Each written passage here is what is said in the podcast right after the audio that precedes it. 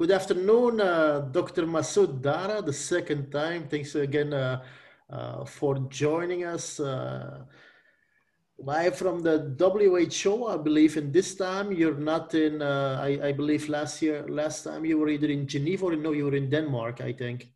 Copenhagen, that's correct. Copenhagen, Copenhagen, yes. And now you're in Minsk, I believe?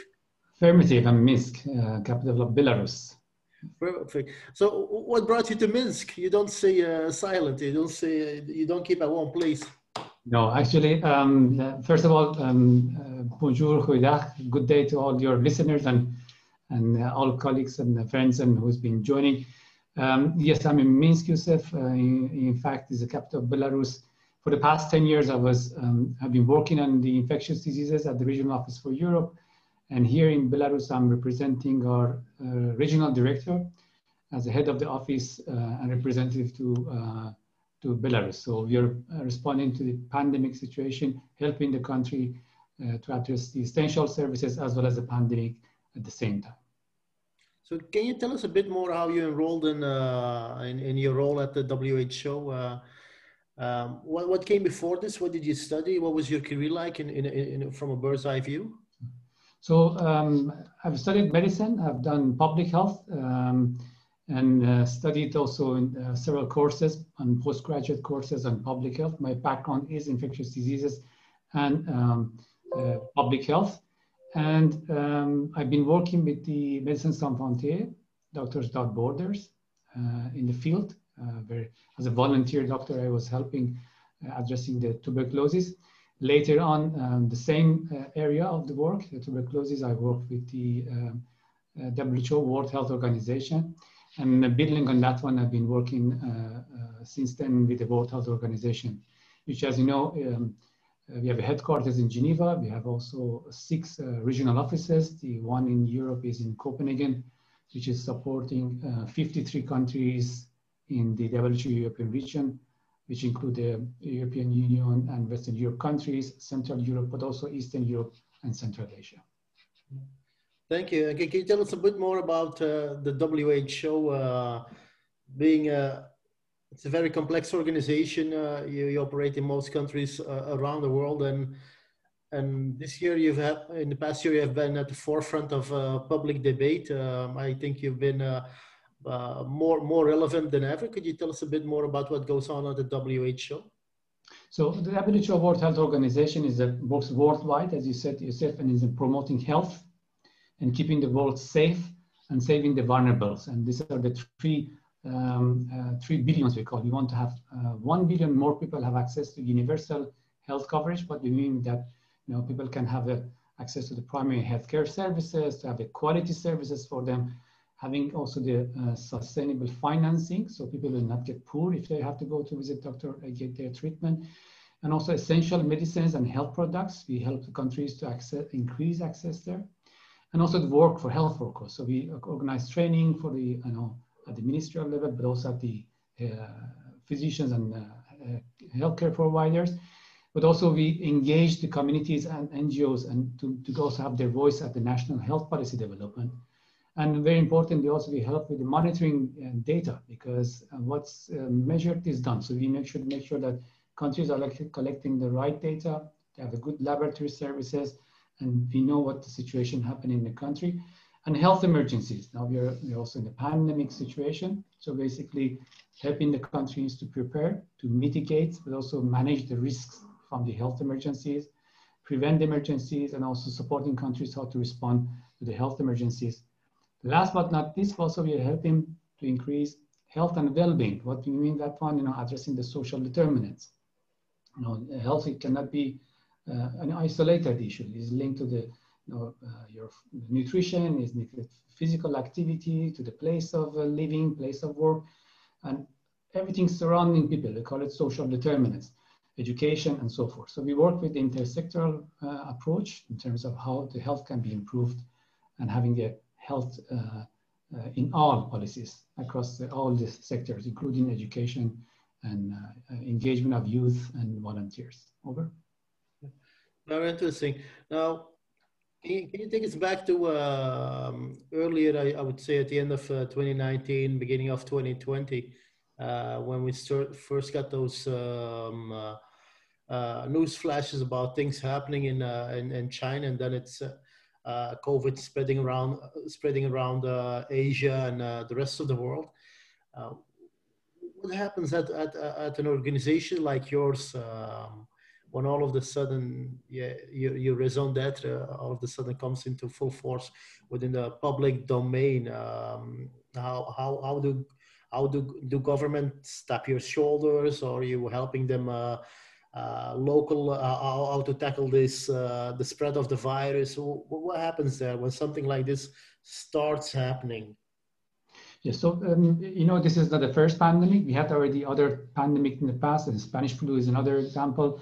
Um, and the world is so much interconnected you know, you know people are traveling and then we have for commerce you know for for the you know uh, whole world has become so small that the infectious disease threats can be spread very fast and for that of course needs a very good system of alert system and the member states or uh, countries need to report immediately if there's something that we, they consider is a is a public health risk for further dissemination so we, we have actually a system where collecting uh, routinely all the, uh, let's say, major health threats, but not all the threats are something that can go pandemic, become pandemic. Um, so can be endemic, can be certain countries, but also it can be spread very fast. So for that, we, we rely a lot on countries reporting timely. Um, and we have a mechanism, it's called international health regulation. Is the only one which is actually legally bound. All the countries, member states are uh, responsible to report as soon as possible if there is an incident can we can uh, put the put the risk for other countries or other pop, whole population.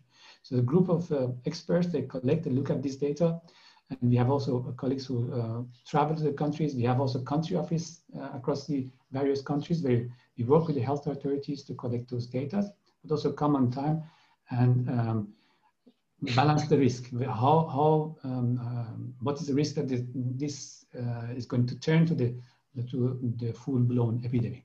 So basically, this process has been uh, uh passed through, as you know, and then uh, WHO, as soon as we, we got this information later on, was uh, announced as a public uh, health concern, you know, and then later on, as you can see, the, the spread that has been going on. But also looking at the, um, the experience of countries because it's a new disease. As a new disease, of course, you know, what are the conditions that, you know, who are the people that are affected, how, um, why some certain mm, subgroup of population are suffering more, for example, in this case, elderly, uh, or those have other conditions. These are the data, data are going to talk to us. So we need to have very good uh, data, on-time uh, data. The other elements, how to respond to that um, and respond to that a new disease. So we need to learn, so kind of exchange among the countries uh, as soon as possible at among clinicians. I'm sorry. And then uh, we collect those uh, uh, informations. We also put together um, uh, the largest um, trial in terms of what is the most effective uh, treatment because it's a new virus. We don't know which kind of antiviral treatment is going to be effective. There have been some speculations, maybe this medicine is working or the other medicines. Sometimes some countries, even presidents of the country come say, this is the medicine everybody should take. But we need to have a evidence based, and that's what WHO is good at. Um, beginning of the pandemic, each of the country individually they're doing their own clinical trials. So they were looking at observing what is the impact of the treatment they were providing. So what we did, we collect them all together systematically we said, let's collect all information, let's have a randomized control trial. And then randomized control trial is something is not influenced by personal opinion. Uh, as a physician in France or as a physician in China cannot say this the medicine is good because I think it's good. No, we need to look at that control trials and we put together. And unfortunately, as you know, the results show that none of the antivirals has a major impact on decreasing mortality. So we, that's one part of the clinical part but we have the evidence that how to prevent. And you look at, for example, New Zealand, you can look at even China. So by detecting the cases as soon as possible, by providing the physical distancing, we do not call it social distancing, we call it physical distancing, because we want the people to be so social cohesion, supporting each other, but physically distanced, respiratory hygiene, masks, uh, teleworking if needed, all these measures proportional to the uh, epidemiological situation in such a way doesn't impact the economy, doesn't impact people's life, doesn't impact negatively uh, education of uh, students. These all elements should be in place, so we call it public health measures. So public health measures should be in place, and we have all these settings. And then the other one, addressing the misinformation, because you go on social media, you go to Facebook, all kind of theories and conspiracy theories, or this is Bill Gates, this is this. I mean, these are the people who are sitting on social media, probably has nothing else to do to try to collect more followers and then, you know, getting uh, um, kind of high on these things. We need to make sure that we use the correct information. Science, that's what counts. And that's basically also my call. Please, if you see something on social media, verify, double check before believing it or uh, spreading it. And then um, also vaccines that you know, you know is extremely crucial in the fast um, tracking the uh, essentially uh, few vaccines which are in the pipeline. Normally it takes a few years to develop vaccines, as you know, but uh, thanks to the uh, basically the science, which actually has been done already many, many years ago. Uh, there have been already some work on the mRNA vaccines, but also uh, also emergency authorization of them because they passed the third uh, phase of trial, meaning that in the large scale of population, you did not see negative impact or people dying of vaccine or something. So we see that vaccine is safe. We see that it also have efficacy, some of them up to 92%, some of them like 75%. And then decreasing the, uh, uh, in terms of the uh, people getting the disease. So that's vaccine is actually crucial and that's our very big hope but it's not enough, Youssef. You should have both vaccine as well as physical uh, and uh, distancing and public health measures in place. To you, over to you. so again, you, you, you talked this uh, briefly. Um, what we've seen after coming out of the first lockdown is um, the longer the crisis um, um, the longer the crisis took, the longer the time it, uh, the more uh, suspicious or uh, wild uh, theories and conspiracy theories were being spread on social media and even shared by uh, a lot of uh, knowledgeable people. Um, and that was, for me personally, has been one of the biggest surprises this pandemic because, of course, it's all um, new for us, but what fascinated me was how many people, again, and, uh, and I repeat, these knowledgeable people uh, were doubting science and were doubting uh, the vaccines and uh, uh, were putting so many uh, lustrous things in the air. And I'm, I'm wondering, where, where does this come from? Where does, where does this come from? And is this um, the conspiracy theories, does this always come along with every new, uh, let's say, Ebola outbreak or bird flu outbreak? Is that always a thing or? Uh... I think you can see the conspiracy theories, theories exist, uh, and there are also people who can actually um, do so kind of social engineering and then get to the social media. You have to look at from the you know um, anthropology and a sociology point of view, and, and but why we have it more for COVID-19 pandemic goes back to the to the, to the basically the huge impact it has on the world economy. And also the interest. You know, I understand that if you're, for example, um, you're in the, in the, tourism industry, you want to make sure your hotel is coming back to the, to the, to the action as soon as possible. Um, uh, also other, other types of uh, work that you do. So there are also a lot of, you know, let's say anxiety among many people who want to go back to normal as soon as possible. Of course, everyone wants to go back to normal as soon as possible, but at which cost? There have been also some uh, speculations, for example, know, let's get people uh, infected and then they develop kind of herd immunity and means that, and then, but with which cost? You want to see your, you know, your beloved ones and your parents and etc. They die, but then we get the immune system, which actually that's failed because that uh, showed actually, as you know, this uh, this virus can mutate. So there's no guarantee that people will not be get again uh, the same infection. So we, these are the things that because of, first of all, it's a new disease. Second, there are lots of anxiety around it. And third is that um, people are thirsty to learn more, which is exactly so they need, but they need to find the best information. We have, for example, various tools. I'm happy to share it with you, like you know, WhatsApp uh, tools. People can go and then ask the questions. You find the, exactly, you know, what are the latest evidence. There are also other social media interactions, and uh, we're working ourselves uh, with WHO to, uh, to basically provide the right information to people. So my advice to everyone is that uh, before accepting any theory, think about it, discuss it with the experts, um, check, for example, WHO site, check the Ministry of Health site, check the, you know, who, who are the people who are who know what they are talking about, rather than you know anyone become expert overnight because they have been googling something uh, on this subject. Over. And uh, again, you also mentioned it before. The vaccines this time they were um, they came out pretty quickly. It took just just under a year, um, which for uh, most people who are unaware of it is uh, uh, quite extraordinary. Can you can you take us through that? Like, what is the normal timeline for a vaccine to be developed? And secondly, why was it uh, developed this quickly? So the vaccine, of course, in terms of developing them, you said we have uh, several phases. Know, first you have the vaccine candidates, and then these vaccine candidates are tested on, on animal models to see that you know what is an effect, what is you know impact of it. Then a small group of pop population uh, that you want to see whether it's you know, safe for them. Uh, and then later on, you go to the larger population, which is a phase three trial. And of course, the phase three trial is very important because you get a many group of uh, people, and then you can also identify if there are some rare events that vaccine may have. So all these vaccines that have gone through this process and been um, approved either by the you know, European Medicine Agency or the um, FDA uh, or WHO, which is actually we go through the, uh, the emergency uh, use list, is that we look at all those data.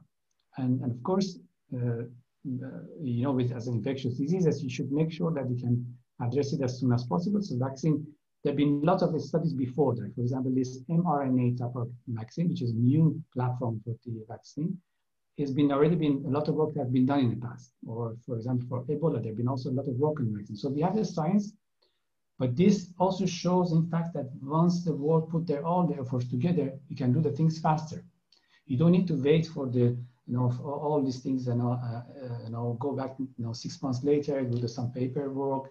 So we don't have the luxury of waiting while people are dying. So that's kind of pressure the, in terms of let's get our act together has helped to put this uh, vaccine fast track them. I think another lesson learned from COVID is that if you put the same efforts equally in other areas, like for example, HIV, that you know, after so many years, they still wouldn't have a proper vaccine. So this science and research can also be used for other diseases or cancer. You know, we have so many areas that we don't have proper treatment and care. So I think now the world putting so much effort on research and innovation, this can also hopefully translate to a, a better impact on addressing or preventing other diseases.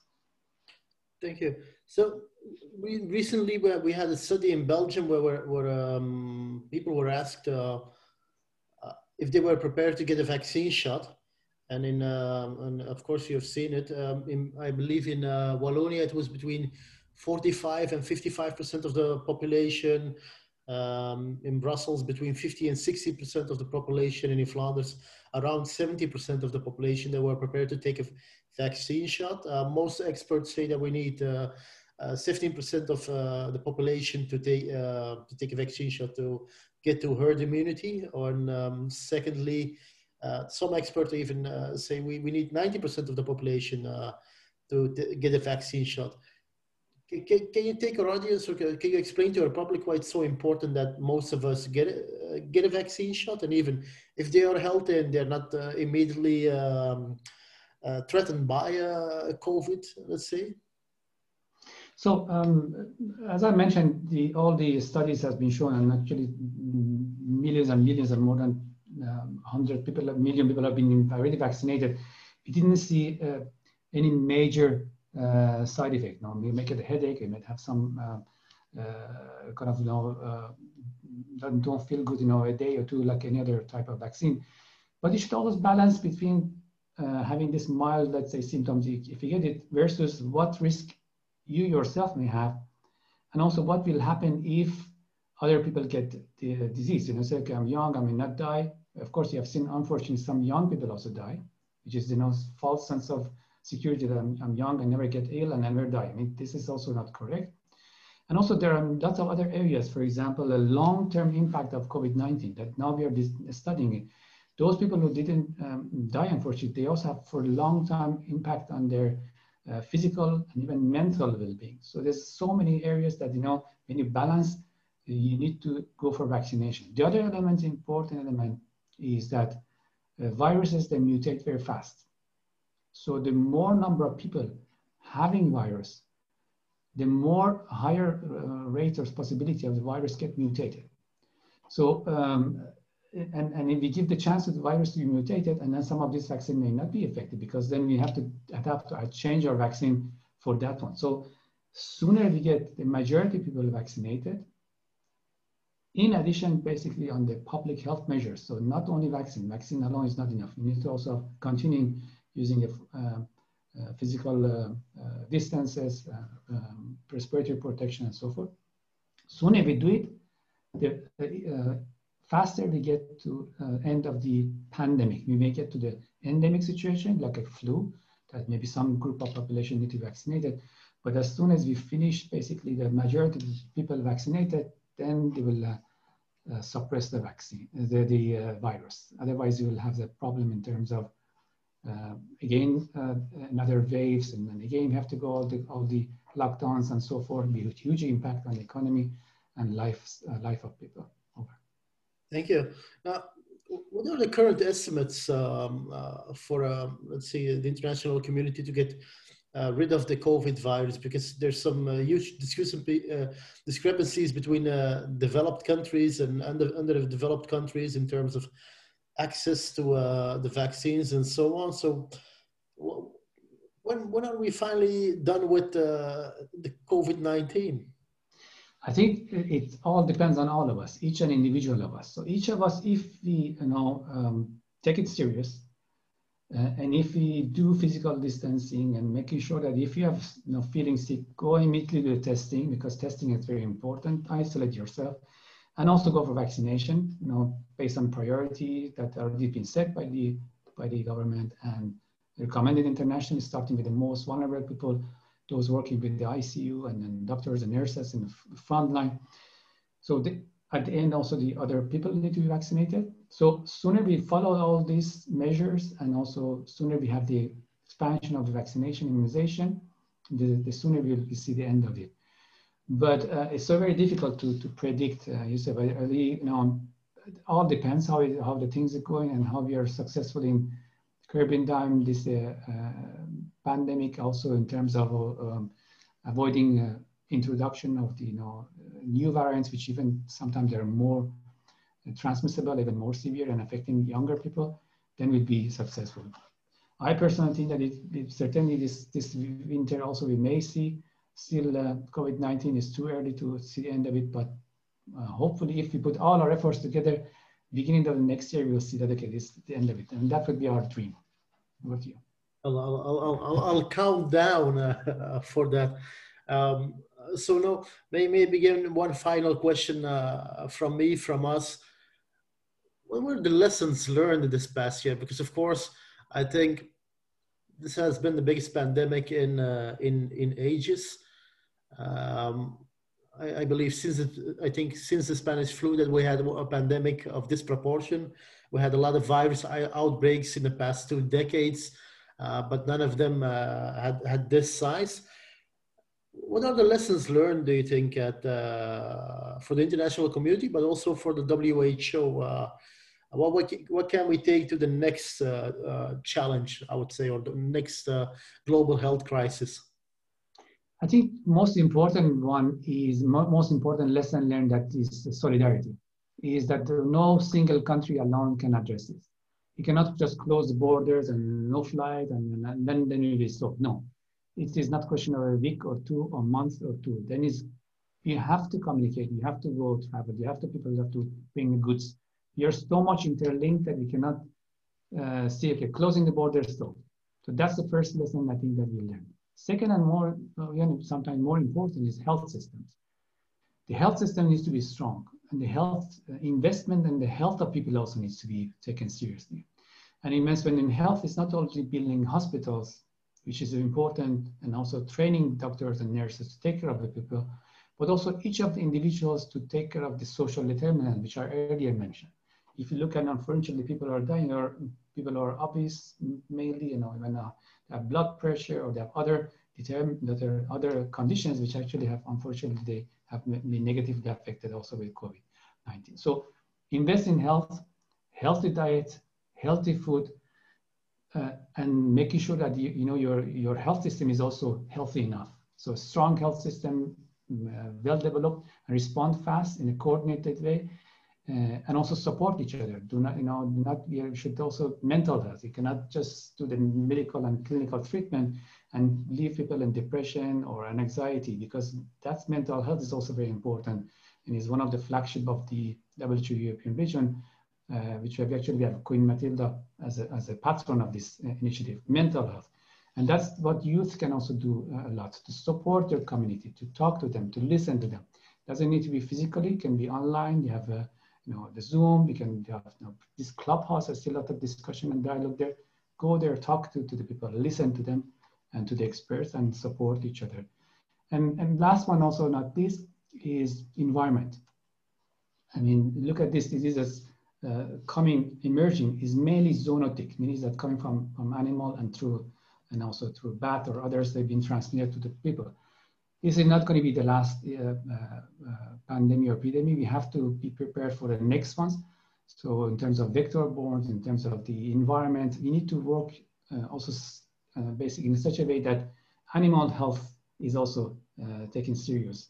Um, plants are taken serious. Climate is also taken uh, care of. So all the, we are linked, interlinked with each other. So that's basically the one health approach that we recommend in, in our mind, in our heart, in our action. Over to you. We'll, we'll take those lessons with us. Thank you so much, Dr. Masoud Dara from the World Health Organization. Thank you.